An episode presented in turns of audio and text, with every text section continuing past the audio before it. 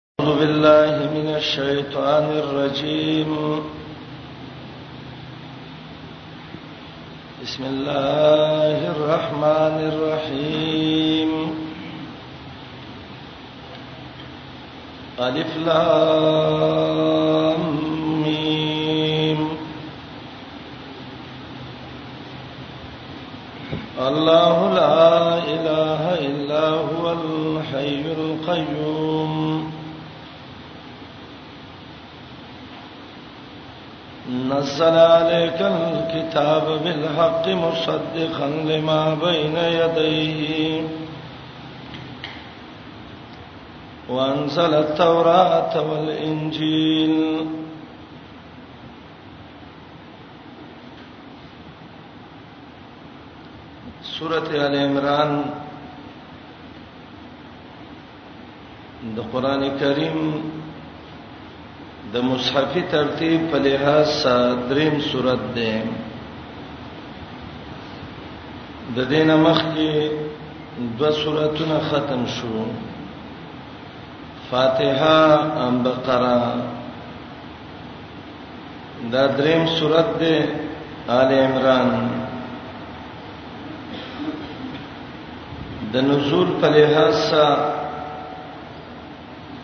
نه تیم نمبر صورت ده د انفال نرستا نازل شوه ده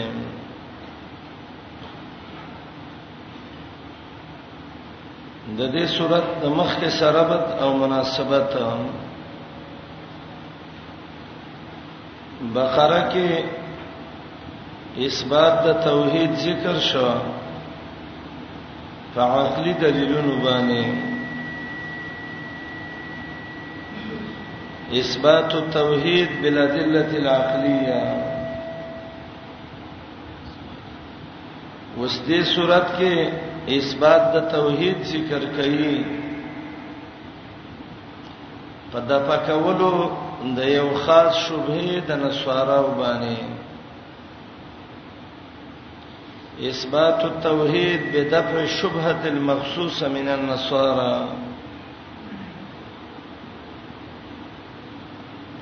یا بقره کې توحید ثابت شو په عقلي دلیلونو باندې ال عمران کې درې قسمه دلیلونه د توحید عقلی نقلی وحی الحي القيوم عقلی دلیل نزل عليك الكتاب دا وحی دلیل وانزل التوراة والانجيل دا نقلی دلیل یا مخکې جواب د هغه شبهه وکړه کم چې پر رسالت د محمد رسول الله صلی الله علیه وسلم وارد وي د يهودنا جواب د هغه شبهه چې پر رسالت وارد وي د يهودنا ال عمران کې د شبهه کوونکو بدی بیانې چا چې دا شبهه کړې وي دا غي بدی بیانې یا مخ کې صورت کې انفرادي قوانين د جهاد ذکر شو آل عمران کې قوانین ذکر کړي لتاسیس الجماعه چې د مسلمانانو نظم د مسلمانانو جماعت په صبر برابرېږي یا بقره کې څلور سم دعوه د توحید شو آل عمران کې شپږ سه دعوه د توحید ذکر کړي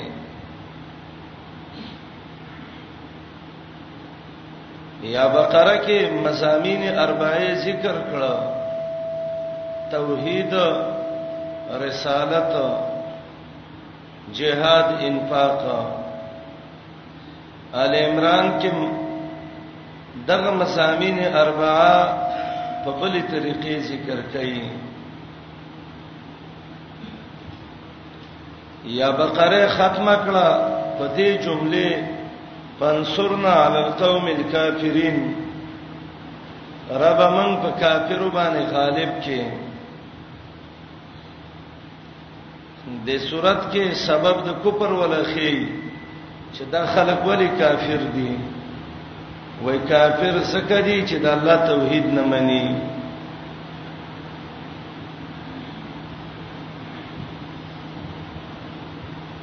یا بقره کې ډېر قبایح د يهودو ذکر شو آل عمران کې ډېر قباحتونه د نصاراو ذکر کړي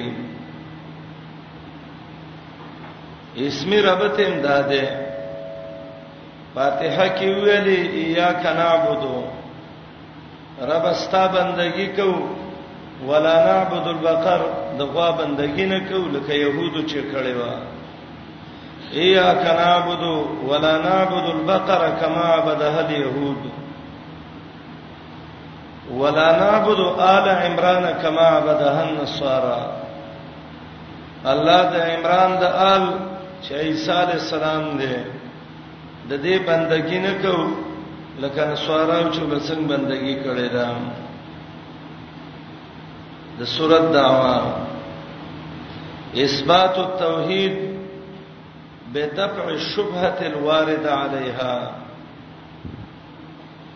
توحید ثابتې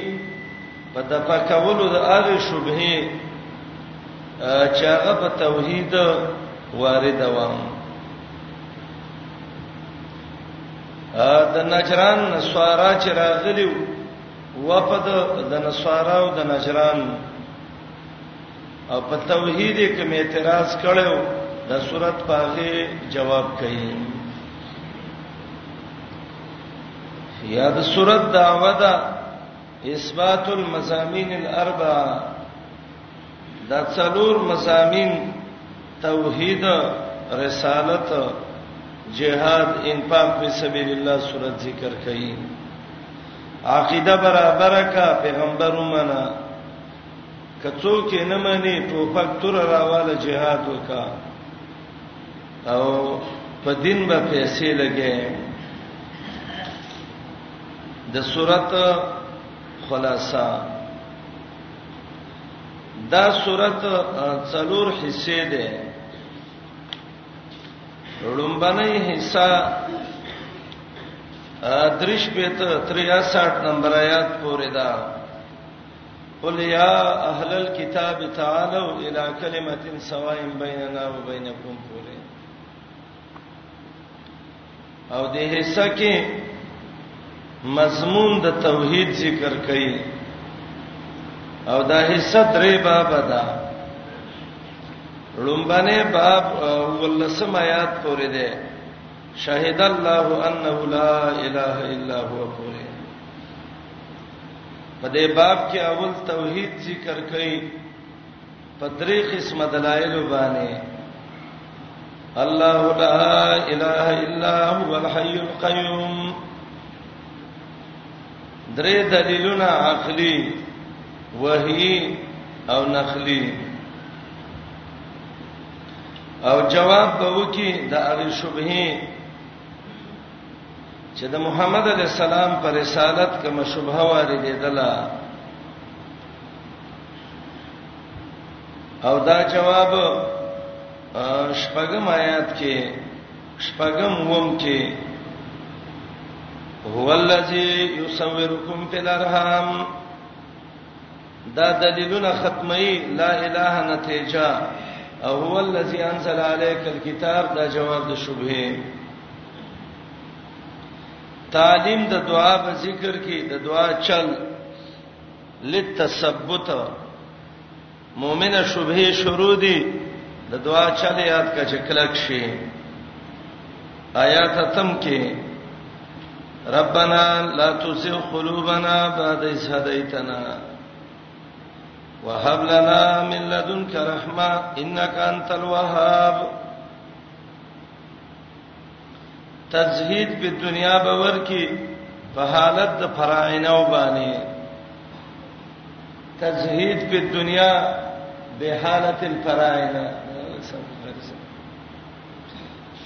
دا په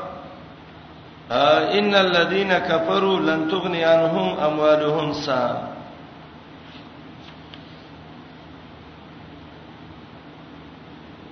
او تذلیل الدنیا او بشارت به ذکر کی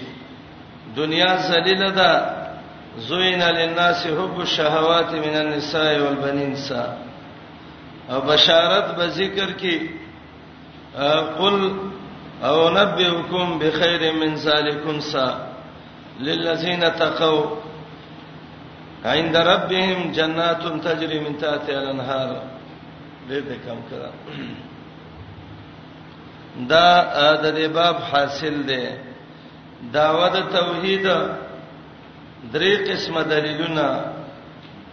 عقلی نقلی وحی نتیجه جواب د شبهه چې په توحید وارد وا تعلیم د دعا غرض په کې تثبت تزهید په دنیا په حال د فرعونانو او د اصحاب بدر د کافرو او د دنیا ذلت او بشارت مؤمنانو ته امتیازات السوره د ال عمران امتیازات ال عمران هغه سورته ده پرې د سرش چې دې کې جواب کړي ده د یو خاص شبهه د نسواراوی و خاص شبهه وا ال عمران داغه جواب کوي دویم ال عمران هغه سورته ده چې ډېر دلیلونه ذکر کړی دي باقیت د عیسی علی السلام چې عیسی علی السلام د الله بنده دی الہ نه دی دریم ال عمران هغه سورته ده چې ډېر قباحتونه د اهل کتاب ذکر کړي سلورم آل عمران هغه سورته ده چې د جماعت د تنظیم د مسلمانانو د نظم او د منظمي اصول ذکر کړي ال عمران هغه سورته ده چې د امیر شرایط ذکر کړی دی پس انتخاب نه ال عمران هغه سورته ده چې د آل عمران تذکره کړی دا د عیسی علی السلام دنیا د مور د عیسی د مریم د دې ټولو حالات ذکر کړي ال عمران هغه صورت ده چې د بدر او د احد واقعې ډېره خيسته ذکر کړي ده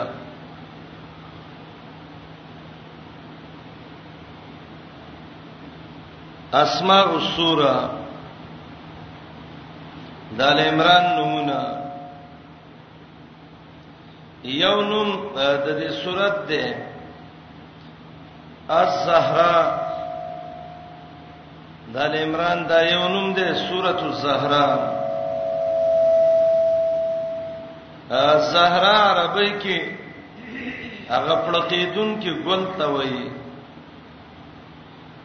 صحیح حدیث کې راغلي دي چې قیامت قائم شي بقره او عمران لبا الله د خيسته ګلونو شکل ورکړي یتظاهران علی راس قاریهما اند قاری په سر په پړقېږي را روان وي نو یو نوم متا سورۃ الزهرا وایي دویم نوم دې سورۃ الطیبه دا ډېر خسته پاک سورۃ ده الطیبه دریم نوم دې سورۃ الامان دا د امن سورۃ ده څلورم نوم دې سورۃ الکنز دا د الله یو خزانه ده پنځم نوم یې ده المعینا دا د الله د نصر او د مدد صورت ده شپږم نوم یې ده الاستغفار سورۃ الاستغفار اوم نوم یې ده سورۃ المجادله اتم نوم یې ده سورۃ آل عمران دا اته نمونه زهرا طیبه امان کنز معینا استغفار او مجادله او ال عمران دا دې صورت نمونه دي فضائل السوره د ال عمران فضیلتونه روایت خو ډیر راغلي دي خو زاغه روایت ویم چې هغه سندن صحیح ثابتي یو روایت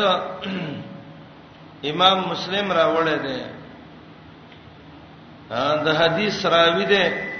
نواس ابن سمان رضی الله عنه نواس ابن سمان رضی الله عنه د دې روایت دی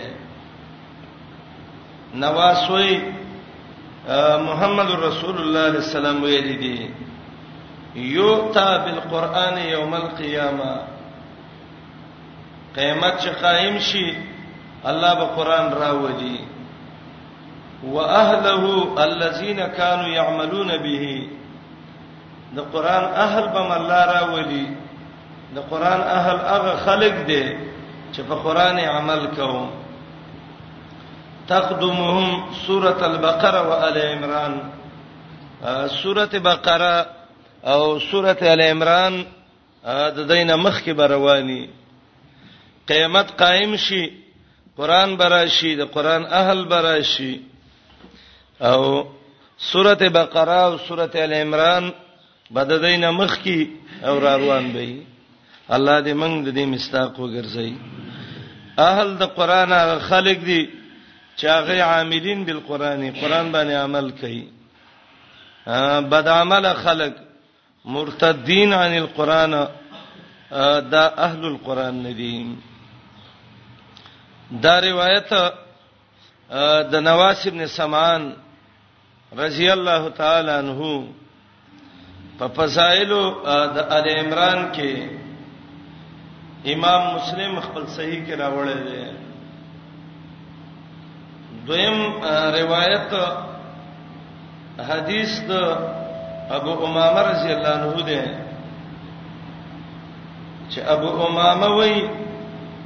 محمد رسول الله علیه السلام ویلي دي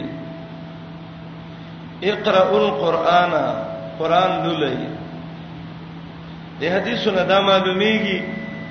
چې دا د قران لوستل د قران طالبي کول د قران درس کول دا ډېر مهم شی دی ګوره محمد رسول الله علیه السلام په امر کوي اقرأ القرآن قرآن لولئ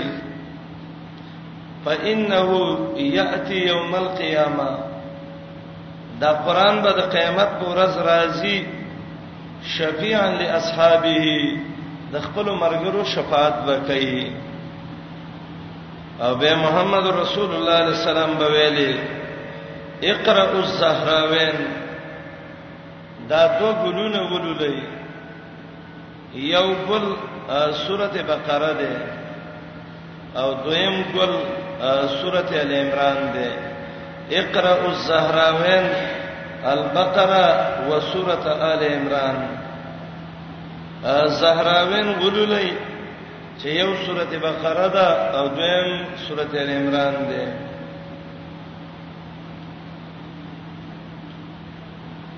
د دې صورت فضایلو کې دام راځي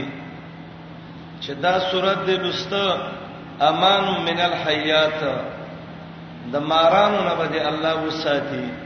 به بمار لړم دي نه چی چې د الله په مشیت باندې او د دې صورت باره کې راځي وکنز للسعلوک دا د غریبانو د پاره یو خزانه ده د غریب بینک چې د سورته ال عمران دی خزانه چې دا سورته ال عمران دی او دې حدیث سورته بارک راځي تهاج عن قارئها فی الاخره دا به قیامت کې د لستون کې د پاره شفاعت او محاجه کوي امام قرطبي دا روایت راوړی دی د مارانو نه امن دی دی کې د غریبانو خزانه ده او د قاری او د لستون کې شفاعت او محاجه کوي عجیب د خیر صورت ده تاریخ د نزول د دې سورته تاریخ نزول هذه سوره راجح قول داده چې دا سورته د سورته انفال نه رسته نازل شوه دی د سورته انفال نه رسته نازل دی او دلیل په دا دی چې انفال کې د بدر واقعا و او د بدر غزا د رمضان میش کې د هجرت په دویم کال شوه و او ال عمران کې د اوحد واقعا ده او دا د اوحد جنگ د شوال میش کې په دریم هجری باندې شوه و انفال مخکې نازل دی ورپسې ال عمران نازل دی انفال کې بدر واقعیا ده ځکه انفال ته سورته بدر هم وایي هغه د رمضان میشت بیم کال باندې وو ال عمران کې د وحود واقعیا ده د شوال میشت دریم کال باندې وو نو دا خبره ده چې دا صورت په دریم کال د هجرت باندې نازل شوه دی ا دې کال کې مشهور واقعات یو واقعا د وفد د نجران و د نجران د علاقې سنسوارا انګريزان دا نجرانین را روانو او راغلي دی لو چې من د محمد رسول الله سره مناظره وکړو صلی الله علیه وسلم سره او مناظره کې به نبی علیہ السلام ملامت کو او موږ به خوشاله به تواپس شو ان فی صدورهم الا کبر ما هم ببالغه تکبر راستي دي رال د الله د نبی نه ته پوښتنه وکړه بهترین جوابونه ورکړه اخر کې وته ویلې اے د نجران نسوارا او انګريزانو کزما خبرم خوخه نه راځي مباهله به وکړو و به ویو چې ربا کڅوک ملامت ای الله ته تباہ او برباد کې په غلطه باندې دای د مباهله نه و تختیدل او د دې واقعا بهترینا چې ذکر کړی دا په تفسیرونو کې نو مهایمی چې دا یو عالم دی مهایمی او داغه تفسیر دی په نوم د تبصیر الرحمن د مهایمی سره تبصیر الرحمن د مهایمی کې مهایمی تفصیلی واقعا ذکر کړی دا او زه به لګوم ان شاء الله واقعا د سیوا چې د نجران نه څو وفد راغلو دا شپېته کسانو لوی ډله وکم نو څوار د سپدې کې به د دې د مشورې کسانو چې دا مشرانی وو او تریب کې هغه چې هغه له ټول اختیار ور کړو نو شپې ته ټولو څوار لس کسیزه یو شورا وا او د دې ټولو امیر امارت به درې کارونو خلکو ته والو یو پکې وو چې د دې امیر وو د مشورې مشر به وو د دې د مشورې نه به بغیر بل خبره نه کوله هغه مشهور په عاقب باندې او خپل نوم عبد المسيح عبد المسيح العاقب دا امیر د قوم امیر د مشورې او د خبرې لبه ډېر اهتمام ورکاو دویم پکې هغه سړیو چې د قافلې مشر وو او د دې مالی امیرو د مال د اغنم اهمو السید باندې مشهور وو اهم السید او دریم د دې مولوی سیبو او د دې مولا نوم یو ابو الحارث ابن القما ابو الحارث ابن القما دا هغه د کورس ابن القما ورورو اتامرون الناس کې چې مولا واقعیا ویلې و او د دې ابو الحارث روميانو بډېر قدر کو وای بدا زمنګ لوی پادری مولا دی انګريز دی مازیګر ټیمو دا شپې ته واړه رال د نبی علیہ السلام جمعه تا کله چې مسجد ته راورسېدل لوی لوی جوبې په ځان چلی وي او دا غټ غټ صادری او په ډېر ډول رال رسول الله صلی الله علیه وسلم مرګري وای وای ما راینا وفدا مثلهم د څه ډولین خلک مونږ چیرته نه ولیدلی ځکه دا چا کې چې کمال نه یې سزا خو خبره بري کنه ما زیګر مونږ ټیم شو مسجد نبوي دې دې پاتې دل چې پاتې دل مشرق طرف ته مونږ وکړو بیت المقدس رسول الله صلی الله علیه وسلم ول څو تمو پرې چې وی کی کله چې د جمون نه فارغ شو نو دا دوه کسان په دای کې درې چې سید او عاقب ابو الحارثه رامخ کې شو رسول الله علیه السلام قال رال نبی علیہ السلام دعوت ورک وتوی ویل اسلمو مسلمانان شئ اسلام راوړی نو هغه وتوی قد اسلمنا قبلک ستانه مخکې موږ مسلمانان یو اسلام چل خلک زمنګ نه یادې وای ښا دا خبره چې وکړه رسول الله علیه السلام ته وی کذبتم دروغ مو ویلې دروغ جنو تاسو مسلمانان وی هغه ویلې او وای دا عقیده د اتخاذ الولد ولې ساتي دویم تاسو مسلمانان وی او دا صلیب عبادت ولې کوي دریم تاسو مسلمانان یې وای در خنزیر غوخه ولې خورئ یو قول دا ده چې دای صرف دې دوو ته ویلو چې عاقب او سید و دوی سره خبرې کولې او دویم دا چې دا مولای مو دا ټول مو تاسو مسلمانان نه وئ کوي عیسی ته هم د الله زوی نه ویلې صلیب بندگی بم نه کوله د خنزیر غوخه بم نه خوړلې هغه ویلې کایسا د الله زوی نشي نو پمن ابوه د عیسی پلار څوک دی علمن کې پلار وخیوا او باس شروع ک د عیسی علی السلام بارکی نبی علیہ السلام متوي تپوس تنه کومه بچې د پلار په شان نه کني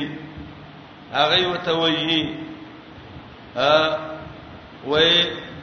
تاسو ته پته شته دا کنه چې الله دا شبيه څوک نشته دی دویم څوک چې الہی پاغه باندې مرګ راځي او کنه راځي وینا نو نبی علیہ السلام ته وی ولې عیسی باندې مرګ ناراضي دی ویل راضي وته ویل زمنګ رب قیوم دی دای صفت دی د ارث محافظ او رازق دی دی ویل او و عیسی ملکیږي دی ویل او رسول الله صلی الله علیه وسلم ته ویل ولتا څه ته پته نشتا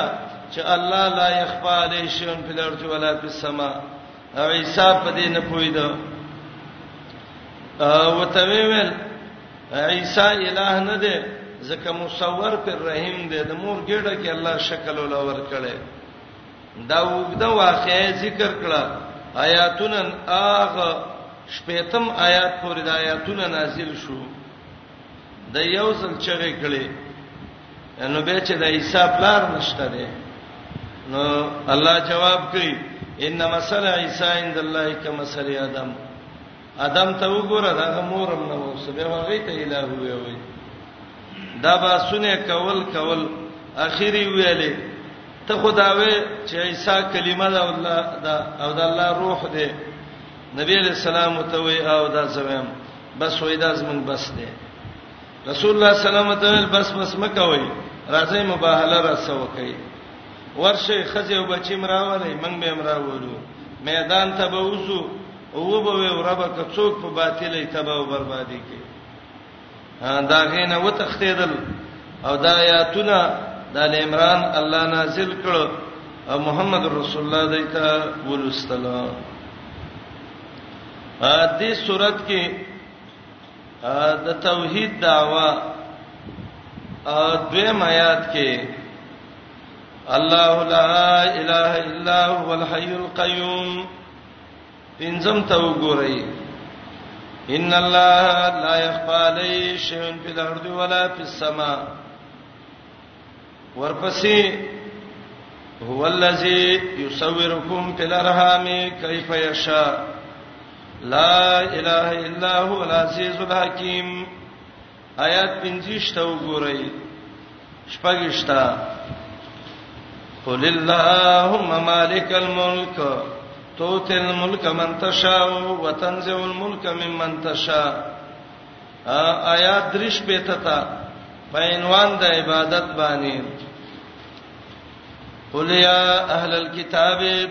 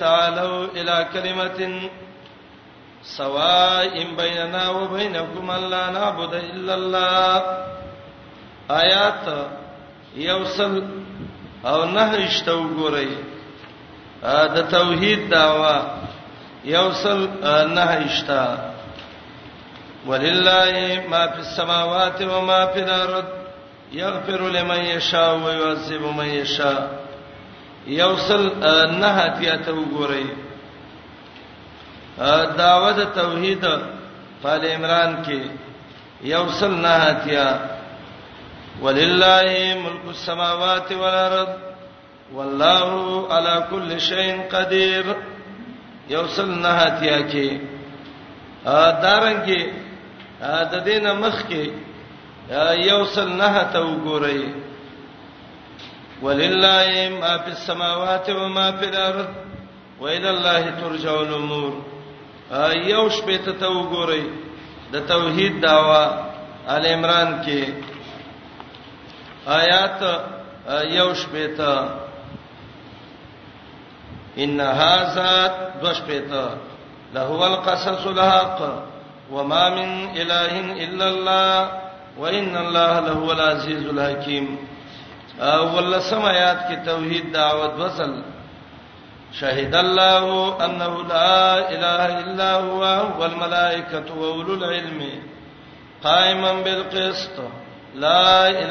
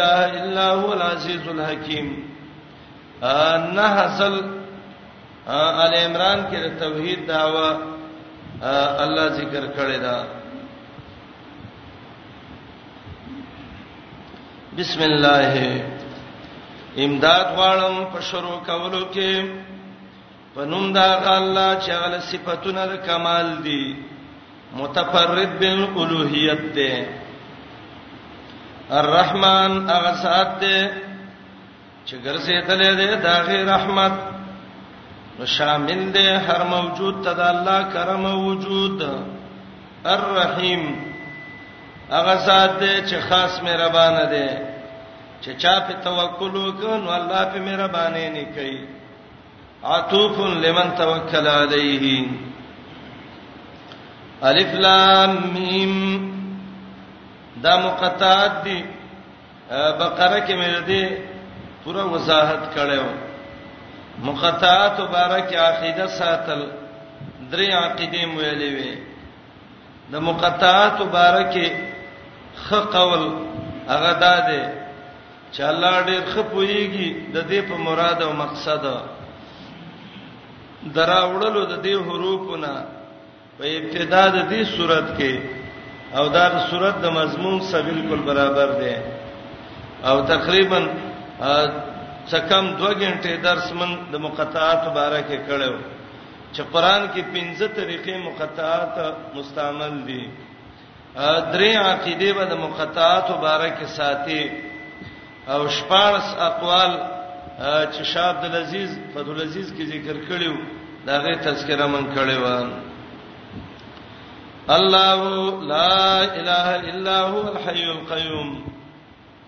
ترکیبی لحاظ سره د الله مبتدا ده او نزل عليك الكتاب بالحق دا خبر ده او دا منځ کې دته جمله معترضه وایي دا یو ترکیب الله مبتدا نزل عليك الكتاب بالحق دا خبر او مینس کې دا جمله معترضه او دویم ترکیب دا ده چې الله مبتدا او لا اله الا هو دای خبر شو مبتدا سره د خبر نه دا ټول چې ده موصوف او الحیوی اولنې صفت القیوم دویم صفت او نزل علیک الكتاب منزل الكتاب دای بل صفت الله معبود دی نشته حقدار د بندګۍ مگر دغه یو الله دی الحی همیشه ژوند دی مرګ نه راځي وهو الحی الذی لا یموت دویمه معنا الحی کامل ژوند والا دی القیوم مدبر د ټول عالم دی یا قائم بالذات دی چاته محتاج نه دی آیت الکرسی کې مې دی وضاحت کړو د الحی القیوم د تعقلی دلیلونه وایي ګور ژوندې ذات دی مدبر ذات دی د دې ذات د پاره د توحید گواہی وکا نزل علیک الكتاب بالحق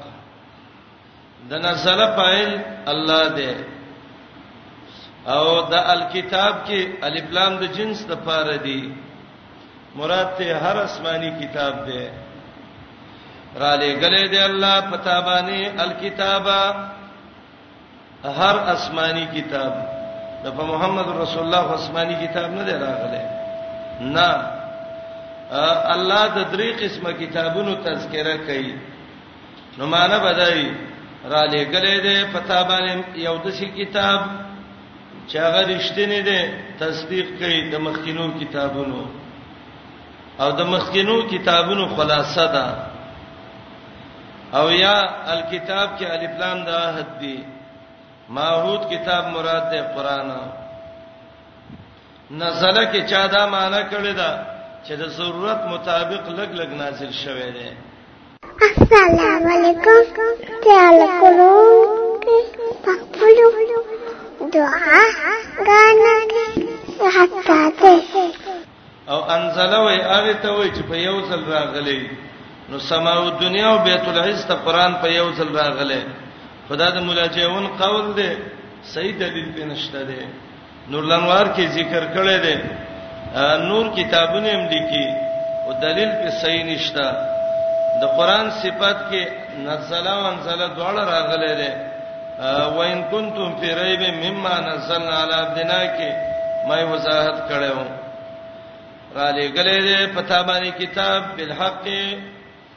پرشتیا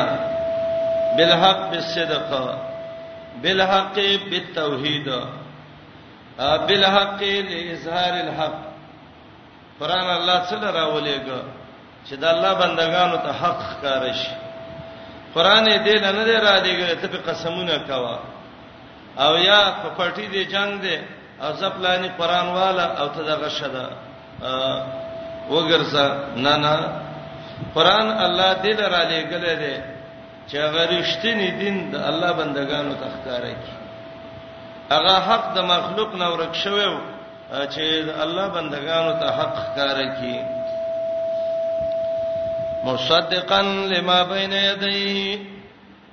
تصدیق کوي دا قران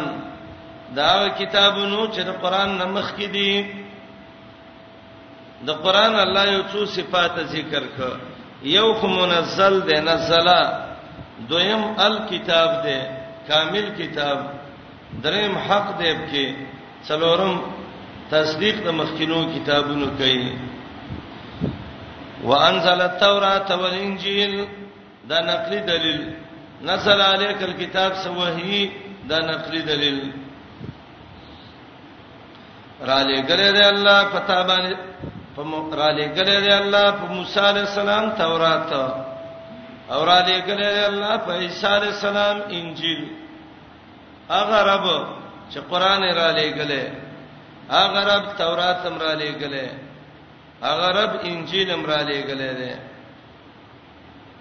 دا دوه کلمې راځي چې یو ته تورات وای او دویم ته انجیل وای تورات یو قول دا ده چې دا عبرانی لفظ ده او د عبرانیانو په لغت کې تورات توراب هدایت ته ویلي تورا د به هدایت ته ویلې او يهودانو به د تورات ته سفر تور ویلې سفر تورا به وته ویلې کله چې دا لفظ عربی ته نقل شو الف لام په داخل شو او توا پتا سبدل شو نو د تورانا تورات جوړ شو او دویم قول دا دی چې تورات عبرانی نه ده عربي لفظ ده او که څوک وي چې دا عبرانی کې توراو نو دې ته توافق اللغات وي یو لغت بل سم موافق شوه ده لکه عربی کې تنور ته تنور وای اجمای کې مت تنور وای ټولو جبو کې مت تنور وای عربی کې مشکات راغله ده رومینم مشکات دغه ترچه ته وای د سړي لغات چې دته توافق اللغه وي یو لغت د بل سره موافق شو نو تورات یا عبرانی لفظ دی او یا تورات عربی لفظ دی انجیل انجیل بارکه یو قول داده چې دا یونانی لفظ دی هغه یونان علاقه کې دا کلمه مستعمله ده او د انجیل معنی ده اللفظ الفصیح واضح الفاظ قاسمی لیکلی دی خپل تفسیر کې محاسن التاویل د قاسمی امام جمال الدین هغه وی انجیل د نجل نه ده نجل اصل ته وی او دته انجیل وای ځکه اصلي دعوت د عیسی علی السلام په کې ذکر وو بعض خلک وای چې دا سوریانی لفظ دی خدا خلک غلط شوی دي خه خبره ده دا چې دا یونانی لفظ دی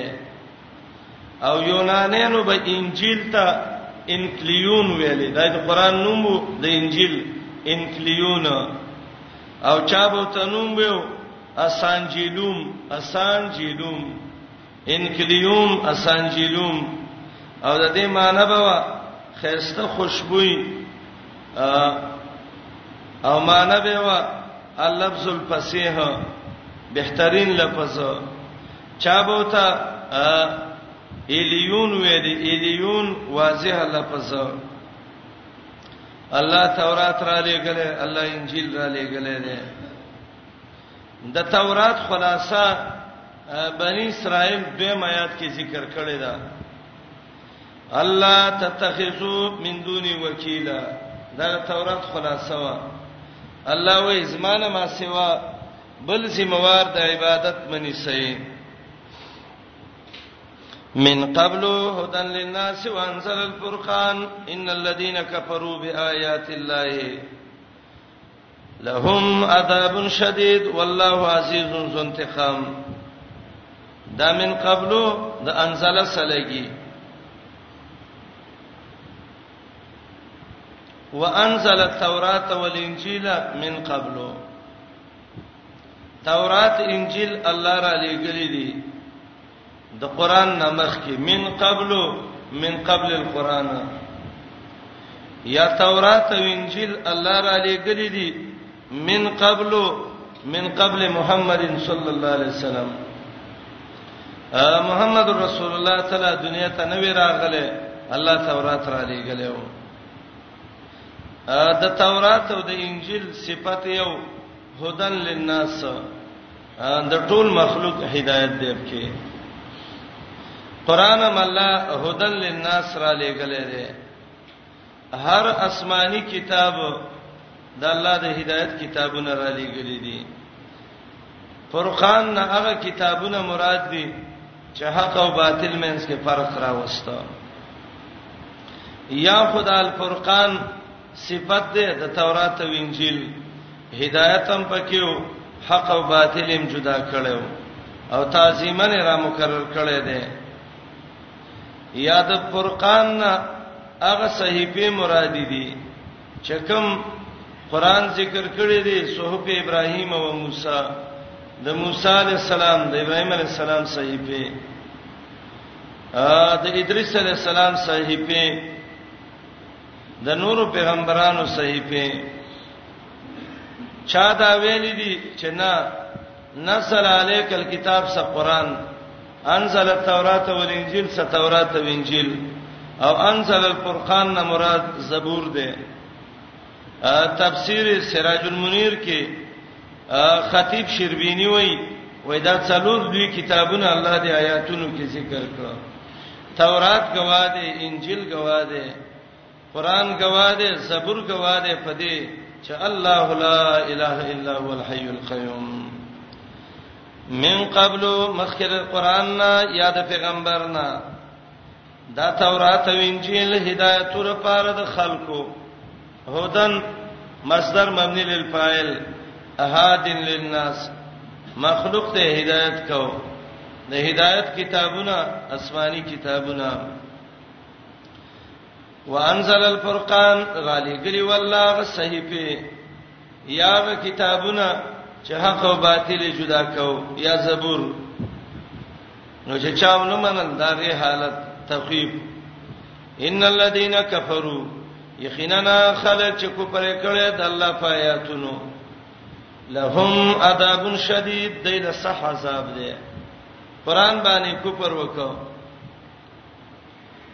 تورات باندې کفر وکړ انجیل باندې کفر وکړ الله وی تعالی ما صح عذاب تیار کړی دی ځکه دا سخت بی دینی وکړه ګناه چې سختيږي عذاب سختيږي حدیث کې راغلیو هغه قاری د الله لعنت او غضب دی په چې قران وته یادي او دا د شپې هغه واینه او قران وته یادي او قران یې ير کړی والله شدید العذاب اولهم عذاب شدید دایله صح عذاب دی ځکه ګناه ډیر لوی کړی دا والله عزیز ذو انتقام الله دې زوره ور ذو انتقام خاوند دې بدلی دې جمله کې فائدہ دا ده اے نبی اے پیغمبرانو اے صاحب القرآن اے صاحب التورات اے صاحب الانجیل اے صاحب الفرقان تابانی زور ورته وکړه خبره الله نو منله زستا الله شته دې ډیر زور ور دې زونته قام خاوند بدلې دې بدله بلتی والی ان الله لا يخفى عليه شيء في الارض ولا في السماء آیات کې دا الله وضاحت کوي الله کوم ذات دی رب هغه ذات دی چې اسمان او زمکه کې هیڅ شی نشي پټې دی دا سرې عمر شی نه برو نه لاندې داسې شته دی چې د الله نه به پټ شي نه نشته دی ان الله لا يخفى عليه شيء في الارض ولا في السماء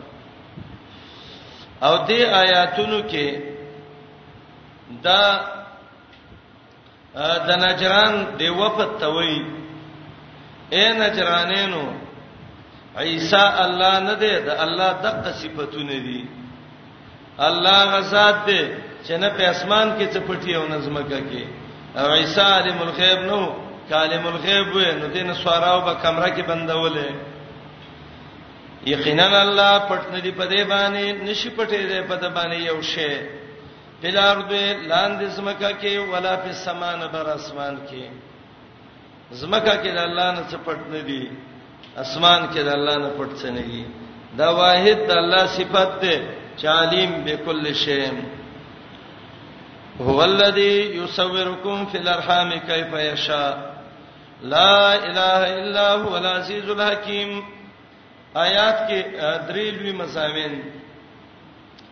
یو مضمون د نجران والاو باندې را ده اے نجرانینو تاسو عیسی ته الہ وی وی د الله زوی ته وی وی الہ هغه څوک نشی کېده چې هغه د مور رحم کی او بل ولا شکل ورکی او عیسی خو د مور رحم کیو الله ولا شکل ور کړی دی دویم آیات کې عقلی دلیل ذکر کړي اے انسان وګوره د یو مور نه پیدا اته نه لس بچي شکلونه دي جدا خبرې دي جدا خوینه دي جدا رنگونه دي جدا د دې دون رنگونو د شکلونو کارخانه د چا سړي د الله سره هو الذی یصورکم بالارحام او د توحید داوا دریم سره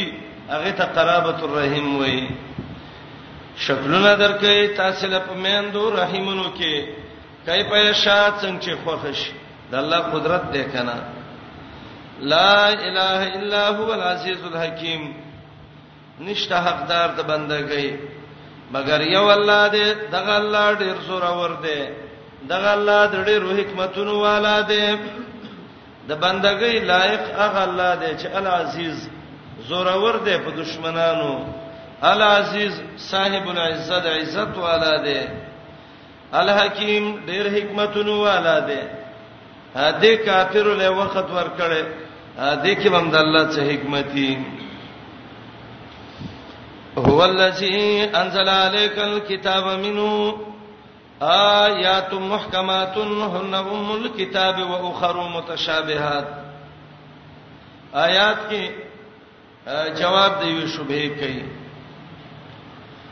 د نجران نسوارا چې راغلیو محمد رسول الله علیه السلام ته ویلې تداوی چې عیسی الہ نه دی او حال دا دی چې انجیل کې دا راغلیو خطه دا وی چې عیسی د الله زوی نه دی انجیل کې دا راغلیو ولد الله عیسی ولد الله عیسی ګور عیسی الله په زوی ولینی ولید نو عیسی خود الله زوی دی ته پیغمبر نه کته پیغمبر وې ته د انجیل نه خبر وې ته پیغمبر نه ته د الله بچو ته بچی نه وې کته پیغمبر وې نو عیسی به د الله زوی ګڼلې ته پیغمبر نه کته پیغمبر وې نو تا به د عیسی ګستاخی نه کولې ګستاخی دا چې د الله زوی نه ګڼې الله جواب کوي هو الذی انزل علیک الكتاب حاصل د جواب دا دی اے محمد رسول الله صلی الله علیه وسلم رب العالمین یو کتاب تا ته را لېګلې دی چې پاغي کې دسه مسآیاتونه دي چې د عقیده باره کې محکم دي او دسه آیاتونه دي چې هغه منسوخ نه دي او انجیل منسوخ شوه دی منسوخ کتاب پرې دی د ناسخ باندې عمل وکړي یو معنی دا ده دویم پاربای کی ولد په معنی د حبب سرازی ولد الله عیسی الله د عیسی علی السلام سره مینا کړی دا نو دای د ولد الله نه ولد الله جوړ کړ دا اهل زیغ دي اهل زیغ د دې عادت دا دی چې فیتبعون ما تشابه منه او قران د عقیده باره کې د اعمال باره کې الله عجیب محکم کتاب را لېګلې دی هو الذی انزل علیک الكتاب منه آیات محکمات هن ام الكتاب واخر متشابهات خو قران ته لګو ګورئ ال عمران دی آیات کې وایي چې قران کې دوه قسم آیاتونه دي ځنې آیاتونه محکم دي و اخر متشابهات او ځنې آیاتونه څه دي متشابه دي ال عمران تقسیم وک قران کې محکمم شته قران کې متشابهم شته سورته هود کې وایي دوه آیات ته وګورئ د قران ټول آیاتونه دا محکم دي د کې متشابه نشته هود دوه آیات کتاب احکمت آیاتو ثم فصلت من لدن حکیم خبیر د څه کتاب دی ټول آیاتونه محکم دي ګورئ آل عمران وای ځنی محکم دي ځنی څه دي متشابه دي هود څه وای ها ټول محکم دي سورته زمر وګورئ زمر کې وای چې متشابه دي ال عمران وای ځنې محکم دي ځنې متشابه دي هود وای ټول دغه دي دا محکم دي دغه کې دا زمر کې وای نه متشابه دي آیات دې غالبا درشتم الله نزل احسن الحديث کتابا متشابها مثانیه تخشعر منه جلود الذين يخشون ربهم رب هغه ذات دی چې خپل کتاب خبره را لېګلې دي خيسته خبره اند الله خبره خيسته کلمات د قران کلمات زړه سازیدون کی خبره د قران خبره احسن الحدیث قران څه شه ده کتابن د الله یو لیک ده متشابهم مثانیه چې مضمونی یو د بل سره متشابه ده متشابه ده مثانیه به به بیانېږي ورته اوس را جمع کړي ال عمران وای زنی متشابه دي زنی محکم هود وای ټول متشابه دغه دي محکم دي زمر وای ټول آیاتونه متشابه دي عجیب خبره ده یو قران دی کله وای څه متشابه دي څه محکم دي کله وای ټول محکم دي کله وای ټول متشابه دي د څه مقصد شو علما د دې مستقل معناګانې کوي قران کې تعارض نشته ښا دا غلطه خبره ده چې بعضی خلک وایي قران کې تعارض راغی ناسخ منسوخ او پیژنه زمانه او پیژنه تعارض نه خلاصي کنه دا به ویلې دی اصول فقہ کې به موږ زو تول ټول ورځ اصول شاشي کې به ویلي کله قران مخالفت کې حدیث راشي پاین قخالفه یا قابله خبر واحد به بس شي کې قران دی او حدیث ته یو بل سوال خطر ټکراو شو نو به ویل قران باندې ذکر قطعی دی حدیث بناله ذکر ځنی دی دا څه څه وځوته ولې او دا لانجه عیسی ابن ابان دی اصول فقہ کې دا قصه راستلې ده او دا قصه د کرخین او د خلکو ذکر کړی دي الله او رسول ندی ویلي دا یاد ولرئ چاره د قران او د حدیث تعارض نشرات لې دا موږ داوی باندې ویو او موږ یې په لوسپیکرو په اجتماعات او بیانونو کې ویو چې د قران او د حدیث هیڅ کله تعارض نشرات لې او کچا وخو د ان شاء الله موږ به وسومنو ولې نشرات له قران اجمال ده حدیث شرح ده شرح چره د متن خلاف ناراضي ایوا دویم قران وحی ده او حدیث شې دي وحی ده سورته نجم کې رب وایي والنجم اذا هوا زما دې قسمی په ماخامي ستوري کله چې راوخیږي یا پناشي ما ضل صاحبکم وما غوا محمد رسول الله گمراه نه دي سرکشم نه دي وما ينطق عن الهوى د خواهش نه لګیم نه دي ان هو الا وحي يوها وحده د تشویدا قران هم وحي حديث هم وحي الوحي لا يقابل الوحي وحي د وحي مقابل نه راځي